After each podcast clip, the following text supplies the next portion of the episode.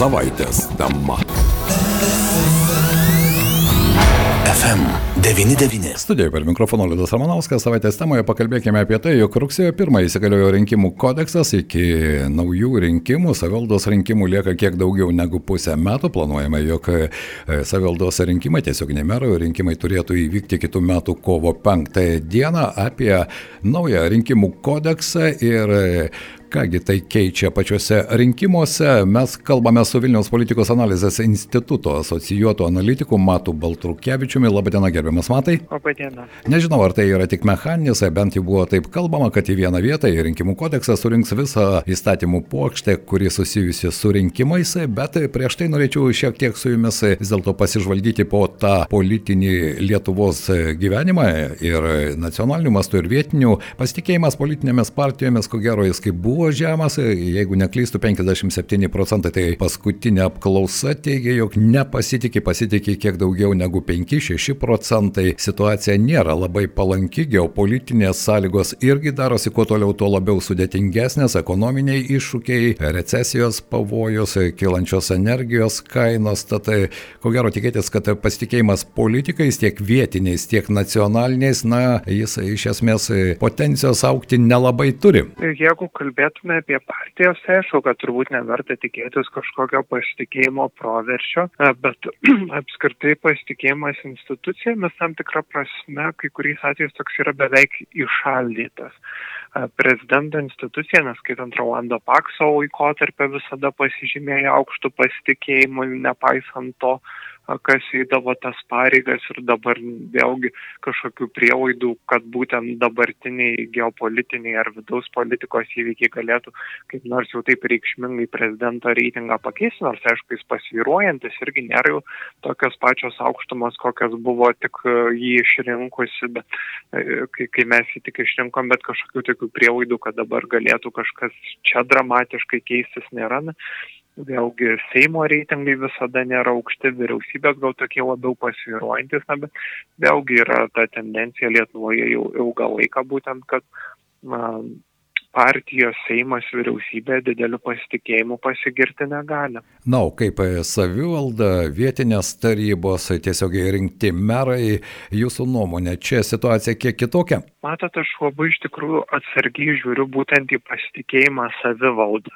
nes skirtingos valdybės na, visgi pasiekia labai skirtingų veiklos rezultatų. Na, mes matome bandymų ir, ir sureitinguoti savivaldybės pagal veiklos efektyvumą, na, bet net ir ten dažniausiai būna taip, kad yra ir skirtingos kategorijos, didmiešių, daugiau kaimiškų savivaldybių. Na, vėlgi čia tas vertinimas toks kalbėti apskritai apie pasitikėjimą savivaldą, tai yra visgi per, per daug abstraktu. Taip. E, aišku, vienas dalykas, kad kai atsirado tiesioginiai merų rinkimai, tai bendrai aišku, kad pasitikėjimas savivalda yra ūktelėjęs, na, nes žmonės visgi labiau jaučia tą tiesioginę atsakomybę, labiau jaučia, kad patys pasirenka savo merą, savo miesto veidą, savo lyderį. Na ir vėlgi dar iš kitos pusės galima pasižiūrėti į tai, na, kad jau buvo dviejai tiesioginiai merų rinkimai, na ir tikrai visai nemažai merų buvo perinkti antroms kadencijoms. Taip, čia aš sutinku ir nemažai didžiųjų miestų tai buvo ne politinių partijų atstovai, jie ir gana sėkmingai, išskyrus galbūt Alitaus miestą, kur vėl į valdžią sugrįžo socialdemokratai, bet matai, šiandien kalbėdamas su jumis norėčiau vis dėlto šiek tiek panalizuoti rinkimų kodeksą. Prezidentas politinių nevyriausybinių organizacijų įstatymą vetavo, na, ko gero, rudens sesijoje prie to bus grįžtama, kiek rinkimų kodeksas, tas rinkinys iš esmės keis situaciją artėjančiuose savivaldos rinkimuose, iki kurių liko kiek daugiau negu pusę metų. Na, vėlgi yra rinkimų kodeksas ir yra lydimieji įstatymai, iš kurių svarbiausias yra politinių organizacijų įstatymas. Tai rinkimų kodeksas jis jau įsigaliojo nuo rugsėjo pirmos dienos, na ir iš esmės be nesvarbiausias dalykas, kas būtent rinkimų kodekse yra užfiksuota ir kas būtent su savivaldos rinkimai susijęs, na tai yra na, trijų kadencijų ribojimas merui.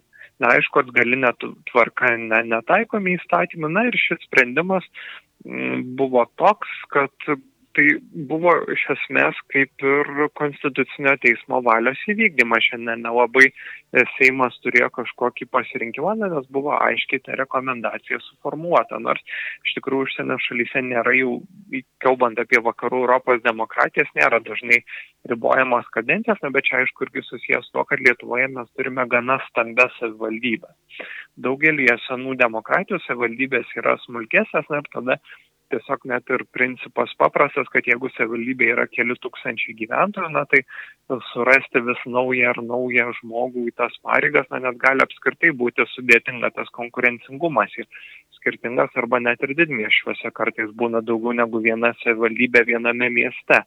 Na, na, bet apskritai kadencijų ribojimas kaip toks, na, jis išaugina politinę konkurenciją, na ir iš kitos pusės turėtų skatinti tokią didesnę politikų apytaką, jei taip galima pasakyti, tarp savivaldos ir nacionalinės politikos. Na, tiesiog, kad, kad nes dažnai mes kalbame, kad žiūrėdami į Seimą, į Seimo narius, na, kad jie atitrūkę nuo savivaldos poreikių, mažiau žino kokios ten yra aktualijos, na ir iš esmės, jeigu būtų dažniau iš nacionalinės politikos sukama į savivaldą, iš savivaldos nacionalinę politiką, na tai galėtų turėti gerą efektą. Aišku, toks... Vėlgi, kai yra kadencijos ribojimas, tada rečiau galima tikėtis, kad bus įmamasi tokio kaip netiesioginio balsų pirkimo kadencijų pabaigoje, tiesiog priimant sprendimus į, į grupės, kurių parama reikalinga siekiant perrinkimą. Aišku, trūkumai irgi aiškus, tai tas paskutinės kadencijos sindromas galimas, kai meras jų gali būti tiesiog suinteresuotas nauja karjeros stotelė, na ir galbūt net labiau, ypač kadangi Lietuvoje korupcija vis dar yra aktuali problema, tai labiau linkęs pasiduoti neskaidriai verslo subjektų įtakai. O visgi daugiau didesnių permainų ten buvo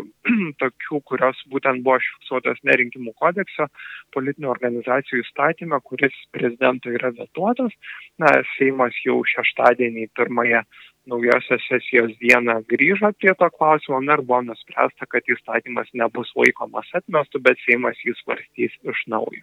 Taip, ar suspės Seimas iki E, šio įstatymo įsigaliojimą, na, patvirtinti visas procedūras, kad jis galėtų galioti jau savivaldos rinkimams kovo mėnesį? Aš manau, kad bus skubama ir stengiamasi tą padaryti, tik tai gali būti, kad su kai kuriamis jautriausiamis nuostatomis galbūt išmintingiausia ir būtų apskritai galbūt ir nustatyti tą pereinamąjį laikotarpį. Nežinau, pavyzdžiui, steigėjų skaičius yra vienas Taip. iš tų, nors, nors tai yra šiek tiek išpūstas klausimas, na, nes visgi pagal tą formulę, pavyzdžiui, Lietuvoje nesikeistų reikėtų 54 steigėjų. Čia iš esmės Vilniaus, Kauno, Klaipėdos rajonų savivaldybės ir penki didėjai miestai, kur tas steigėjų skaičius auktų. Na tai vis tiek tai yra reikšmingas žmonių skaičius, kur, kuriuos tai paliesų, na tai tada galbūt ir yra prasme nustatyti tą pereinamąjį laikotarpį būtent šituo klausimu. O apskritai kit, kitais klausimais, tai aš manau, kad, kad nėra taip, kad būtų labai jautru tai, tai kad uh, pat, pati ta trukmė uh, įsigaliojama ne, nebūtų toks labai jautrus klausimas.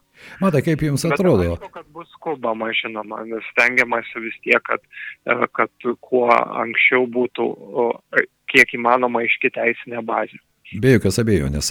Prieš aštuonerius metus, kai atsirado rinkimų komitetams galimybė dalyvauti savivaldos rinkimuose, na ir kitose rinkimuose dalinai Europos parlamento rinkimuose, po pirmųjų kadencijų, kai ir daugelį didžiųjų miestų, būtent rinkimų komitetų, e, kelti merai užėmė mero postus, vis dėlto politinių partijų viduje atsirado tam tikras nerimas ir ar štai politinių organizacijų įstatymas ir naujas kodeksas, jūsų nuomonė, kažkiek keičia dabartinę rinkimų komitetų, nes jau antrąją kadenciją tai rinkimų komitetus steigė visi, kas netingėjo, juose buvo galima surasti begalę perbėgėlių iš politinių partijų, kurie ten keitė partijas kaip pirštinės ir pats principas, mano nuomonė, jau prarado tą tikrumą. Kaip jums atrodo? E, aš manau, kad politikai labai atkreipia dėmesį į tas visuomenės tendencijas, į tą ilgalaikę tendenciją, kad partijomis Lietuvoje apskritai nėra pasitikima. Na ir e, politiniai komitetai, ypač prieš paskutinius savivaldybių rinkimus, tai tapo tokia e, dažnai apgaulės forma. Na, Laisvės partijos, tarkim, dar nebuvo, na tai Remigijus Šimašius kūrė komitetą, bet net buvo tokių atvejų, na, kada partijoms priklausantys žmonės, na, iš esmės nusprendė tiesiog grinai vieniems savivaldos rinkimams tiesiog kaip pakeisti trumpam prekinį ženklą, taip gal net būtų galima pasakyti. Na ir aš sakyčiau, kad esminė problema visgi su politiniais komitetais, kad na, ta sistema buvo tokia su lygiais ir lygesniais. Na, na, nes komitetai jie iš esmės buvo anksčiau registruojami tik tai vyriausioje rinkimų komisijoje, jų veikla nutrūkdavo iš karto po rinkimų. Na ir tada buvo labai ta patogi forma, kur mes ir alytuje turėjome, tiksliau tebe turime komitetą už alytų, kuris kartu tokiu pačiu pavadinimu turi ir veikiantį visuomeninį judėjimą. Na aišku, kaip ir visuomeninis judėjimas, nevyriausybinė organizacija gali gauti paramą tada ir kitokiais būdais, veikia nuolat. Na ir iš esmės ta visuomeninė organizacija, ji kaip ir toliau vaidina politinį vaidmenį, net ir po savivaldos rinkimų, na ir iš esmės turi privilegijuotą padėtį, nes partijų finansinė atsakomybė yra žymiai rimtesnė negu visuomeninių organizacijų. Na tai taip, aišku, tuo rinkiminiu periodu tai taip, ten buvo vis tiek saugiklių, visa kita, bet na, partijoms ta atskaitomybė tikrai buvo gerokai didesnė. Na, o tokie visuomeniai komitetai, ypač kaip vieningas Kaunas, arba kaip ir sakiau, už Alytų, Alytaus komitetas, na, jie tokie labai sėkmingai buvo išnaudojantis tą pilkąją zoną tarsi formaliai nieko bendro su politika, visuomeninė organizacija, kuri tiesiog rūpinasi miesto gerovę, aktyviai veikia, organizuoja renginius, na, bet aišku, kad tas turinys visiškai politinis. Taip. Na, tai dabartinė sistema tokia, kad siūloma, kad na, politiniai komitetai tampa nuolat veikiančiais juridiniais vienetais, atsakomybė iš esmės yra suvienodinta, tai iš esmės yra teisingas žingsnis. Na, aišku, kyla klausimas, kaip ir prezidentas atkreipė dėmesį, na, į tada į tai, kad jeigu na, pareigos suvienodinamos, na, tai tada turėtų būti suvienodinamos ir teisės. Ir čia esminis klausimas yra finansavimas. Taip. Bet čia yra problematiška dėl to, na, nes tada tas dabartinis modelis visiškai uh, nebetitinka tų realijų, nes dabar yra pagal rezultatus Seimo, Europos parlamento ar savivaldybių rinkimuose finansavimas, na, tada jau reikėtų, kadangi komitetai veikia atskirose savivaldybėse kažkaip visai kitaip keisti tą sistemą, nes net jeigu mes, pavyzdžiui, nuleidžiam žemai kartelę, na ir tarkim, už alytų buvo sėkmingiausias komitetas praėjusiuose rinkimuose mūsų savivaldybėje, na ir pagal tą formulę, kad vieno balso kaina 59 euro centai, na tai per visą Lietuvą, aišku, tų balsų susidaro, na bet tarkim, komitetas už alytų tada būtų užsidirbęs už paskutinius rinkimus, jeigu tokia sistema galiotų 2328 8 eurus. Na tai realiai pagal dabartinės spaudos kainas, tai čia turbūt kokias dvi, dvi gražiai sumakėtuotos didesnės apimties reklamos ir viskas. Taip. Na tai iš esmės čia, čia tokiu atveju jau, jau reikėtų dar gerokai rimčiau panagrinėti, kaip būtent keisti apskritai politinių organizacijų finansavimą iš valstybės biudžeto, kad, kad būtų galima tai įgyvendinti. Nes iš esmės, jeigu pagal dabartinę sistemą, na, kaip liberalų sąjūdžio atstovė Seime Edita Rudelienė paskaičiavo, na, komitetui reikėtų kokių 24 tūkstančių balsų, kad užsitikrintų valstybės paramą, na, tai turbūt tik Vilniui, Kaune gal įmanoma tiek tai pasiekti, nes, taip, taip. nes ne, taip, taip, tai, tai dėl to tiesiog, na, tokiu atveju reikėtų visiškai iš esmės tą sistemą peržiūrėti, surasti kažkokį būdą. Bet kol kas tos sistemos nėra ir štai artėjančiose Seimo rinkimuose, rinkiminės kampanijos, aukos, paramos ir finansavimo šaltiniai, kiek jie pasikeitė jūsų nuomonė, kiek jie galbūt įneš daugiau skaidrumo, o galbūt kaip tik daugiau atsiras tos pilkosios zonos? Na, iš esmės, jeigu žiūrint į tą individualų lygmenį, tai kažkokių didelių pokyčių nėra. Na, grinaisiais pinigais nebebus galima aukoti, ten šiek tiek kilstelta minimalios aukos suma. Na, iš esmės, aš sakyčiau, kad e, esminis galbūt pokytis bet čia būtent su partijomis, kuris būtų susijęs, na tai yra ta galimybė leisti partijoms teikti analitinius centrus. Ir čia iš esmės yra um, tokių visai, visai keblių dalykų nes e, iš vienos pusės tai pagal rinkimų kodeksą analitinio centro partijai ar kandidatams suteiktų paslaugų vertė pripažįstama politinės kampanijos dalyvė išvaida, na bet tada labai gali būti visokių dviprasmiškų padėčių, na ir vėlgi Lietuvos, aišku, pagrindinės politinės partijos, na, jos nėra kažkokios prorusiškos, bet specialių tyrimų tarnyba na, buvo atkreipusi dėmesį į tai, kad gali neaišku tikslų siekiantys fondai ar, ar, ar užsienio valstybės, kurios suinteresuotos chaoso kėlimu Lietuvoje, naudotis šitą vandaną ir visgi buvo iki šiol tas modelis jau sėkmingai veikiantis, kad juridiniai asmenys nebegalėjo jokia forma finansuoti politinių partijų, na, o dabar vėl tarsi šiek tiek iš dalies atsukama ta padėtis atgal. Tai čia potencialiai yra toks gana pavojingas dalykas ir, ir, ir dar netgi buvo iš, iš, iš specialių tarnybų pusės, kai buvo svarstymai politinių organizacijų įstatymo atkreiptas dėmesys, na, kad jos nėra pasiruošę prisimti funkciją, tarkim, patikrinti tuos užsienio fondus, kurie norėtų finansuoti partijų analitinius centrus. Na tai čia tiesiog toks, toks gana slidus dalykas, galbūt praktikoje viskas ir, ir gerai veiktų, na, bet klausimų šiek tiek kyla ir, ir atsargumo aš dėl to turėčiau. Na, vien tik tai, tai kad tai amerikiečių žvalgyba paskelbė duomenis, kad virš 300 milijonų Rusijos pinigų buvo skirta įvairių šalių politinių partijų, organizacijų rėmimui, na ir taip toliau ir žinoma rinkiminiu laikotarpiu tai irgi keičia. Žinoma, geopolitinė situacija ko gero dabar kiek kitokia, bet e, na, nepaslaptis, kad Lietuvoje irgi buvo organizacijos, kurios gaudavo vienokią ar kitokią formą iš rytinio kaimyno tas finansinės injekcijas, juk tokių atvejų buvo ne vienas. Taip, taip, taip, tai dėl to ta situacija tokia yra slidoka. Taip. Na, o dabar, matai, grįžtant vis dėlto prie aktualiausių, tai yra savivaldos rinkimų. Dar vienas klausimas - mero e, statusas, tiesioginiai mero rinkimai, bet dabar šiek tiek keičiasi. Jis jau nebegalės balsuoti tarybos posėdėje, daugiau galbūt atsakomybės, ne vien tik tai jos talės karpyti, bet iš esmės jis bus atsakingas ir už finansinę savivaldos situaciją. Kaip jūs galėtumėte tai įvertinti? Ar tie pasikeitimai, jie įneš galbūt daugiau pozityvumo ir ir į merų darbo manierą, stilistiką savivaldoje? Na, vėlgi čia buvo daug diskusijų, bet aš iš esmės sakyčiau, kad dabartinis modelis, kuris yra siūlomas, na, jis yra gana neblogas, jis nėra tobulas, na, bet iš esmės žmonėms dažnai sunku įvertinti, nors atrodo savivalda yra arčiausiai žmonių, bet būtent uh, ypač kai atsirado tiesioginiai mero rinkimai, tada labai atsakomybė buvo sutelkta į vieną asmenį.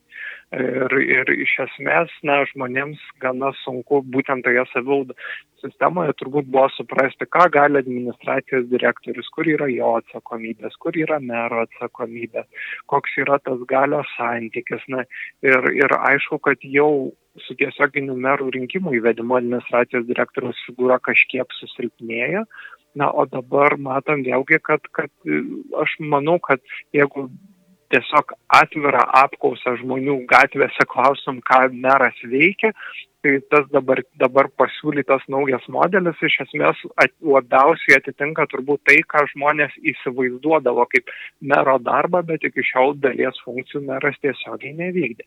Taip. Na ir iš esmės tai, kad yra labiau atskirta vykdomoji ir leidžiam valdžia savivalda, na tai aš irgi manau, kad tai yra gana neblogas žingsnis, pabūt tą dabartinę sistemą, kuri Lietuvoje pasiteisinusi, kai merą renkame tiesiogiai, tai šis modelis tikrai yra gana neblogas blogas. Taip, nes e, miestelėnų vertinimai kartais būna tokie, štai pavyzdžiui, na, gelynai žydį.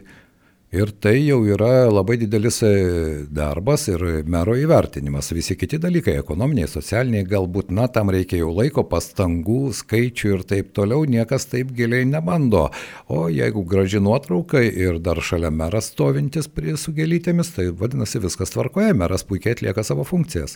Taip, tai iš tikrųjų daug, daug yra to emocinio vertinimo, na ir, na, ir apskritai ir viešieji ryšiai šiais laikais labai svarbus ir ypač kalbant apie, apie dabar artėjančius savivaldos rinkimus, aš manau, kad iš esmės visiems perinkimo siekiantiems merams tai pagrindinis uždavinys bus šildymo kaina. Nes jos, aišku, bendrai Lietuvoje auks, na, bet skirtingos savivaldybės visgi šiek tiek skirtingais Taip. būdais apsirūpina. Na ir, ir jeigu žmonės per savo kišenės jausna, kad jų savivaldybėje dar nėra tokia bloga situacija, na, tai gali būti vienas iš esminių raktų į tą rinkimą. Be jokios abejonės, tikiuosi, politikai tai atkreips dėmesį. Matai, kaip prognozuojate, kokia bus rinkiminė kampanija, nes čia mano galbūt žurnalistinis toks pastebėjimas pastaruoju metu tiek savivaldos, tiek Seimo, tiek prezidento rinkimai, na, jie kažkaip tai labai lokalizuojasi, iš esmės tokios platesnės ir laiko lieka vis mažiau. Paskutinį mėnesį kažkas prasideda aktyvesnio, visi nueina į socialinius tinklus, o štai tokių diskusijų, kur galima būtų įsiaiškinti ir pretendentų tam tikras kompetencijas, tam tikrą matymą, tam tikrą viziją praktiškai nebelieka. Na, iš esmės, savivaldos rinkimai tokie ir yra, kad mes mažiau matysime kažkokią partijų nacionalinio ligmens kampaniją, skirtą, nors aišku, prie populiariausių partijos lyderių kandidatai narus mielai pozuos, darys ten bendras nuotraukas, rinkiminius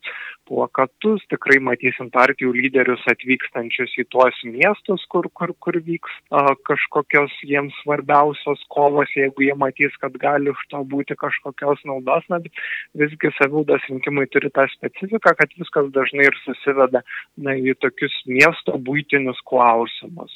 Ir, ir, ir, ir dėl to iš esmės ir, ir ta kampanija nacionaliniu lygmeniu, tokios bendros koordinuotos partijų kampanijos greičiausia, kad labai daug nematysime. Na ir aš irgi esu pasėdęs, tai ką jūs minėjote, kad, kad dabartinė kampanija dažnai daugelio kandidatų tiesiog yra suvedama į tokius dalykus, na kaip socialiniai tinklai, kaip, kaip iš esmės o vengimas eiti į debatus, vengimas eiti į diskusijas, tiesiog siekis patiems pasirodyti ir, ir tiek, bet be tos diskusijų kultūros jas tikrai šiuo metu trūksta.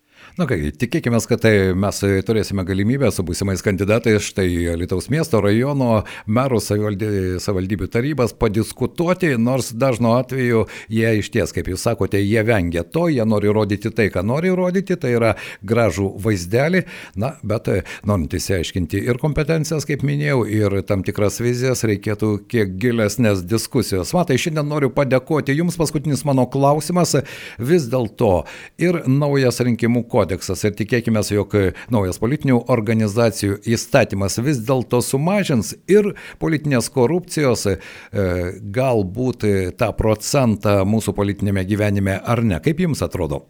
Aš manau, kad svarbu tai, jog politiniai komitetai, jų veikla taps labiau formalizuota jie nebebus tokia privilegijuota dalyvavimo politikoje forma, kur turi labai daug teisų ir gana nedaug pareigų. Na, vėlgi, aišku, tas finansavimo klausimas toks yra gana dviprasmiškas ir reikia galvoti, kaip šitoje vietoje protingiausiai sutvarkyti tą situaciją.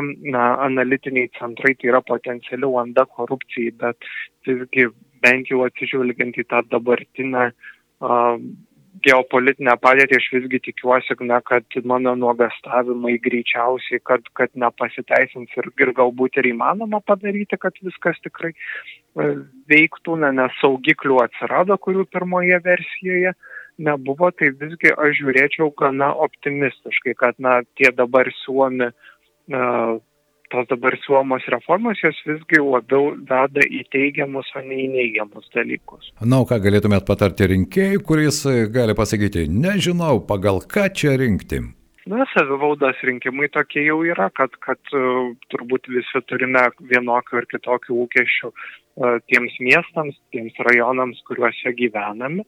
Na ir tiesiog svarbiausia turbūt išsirinkti, kas jums atrodo svarbiausios problemos, svarbiausi spręstini klausimai ir tiesiog bandyti nuspėti, bandyti skaityti, domėtis, kam iš kandidatų tie klausimai irgi aktualiausi. Ir, ir aišku, nepamirškime ir vertinti to, ką mes jau žinome apie tuos kandidatus, na, nes, pavyzdžiui, ir praeituose rinkimuose į merus, pavyzdžiui, tai buvo ir, ir, ir, ir žmonių, kurie jau šias pareigas ėjo ir, ir ir asmenybių, kur apskritai miesto politikoje jau Lietuvoje yra ne vieneri metai, na ir pagal darbus irgi visada gerai vertinti. Kągi, dėkoju. Šiandien mūsų pašnekovas buvo Vilniaus politikos analizės instituto asocijuotas analitikas Matas Baltrukevičius. Alitiškis, Matai, ačiū Jums. Aš tikiuosi, kad prasidėjus rinkiminiai kampanijai dar turėsime galimybę su Jumis pabendrauti, panalizuoti, padiskutuoti ir galbūt įnešti daugiau aiškumo. Dėkui Jums šiandien. Ačiū Jums už kvietimą. Matas buvo mūsų savaitės temos svečias. Radio stotis FM99. Šios savaitės tema.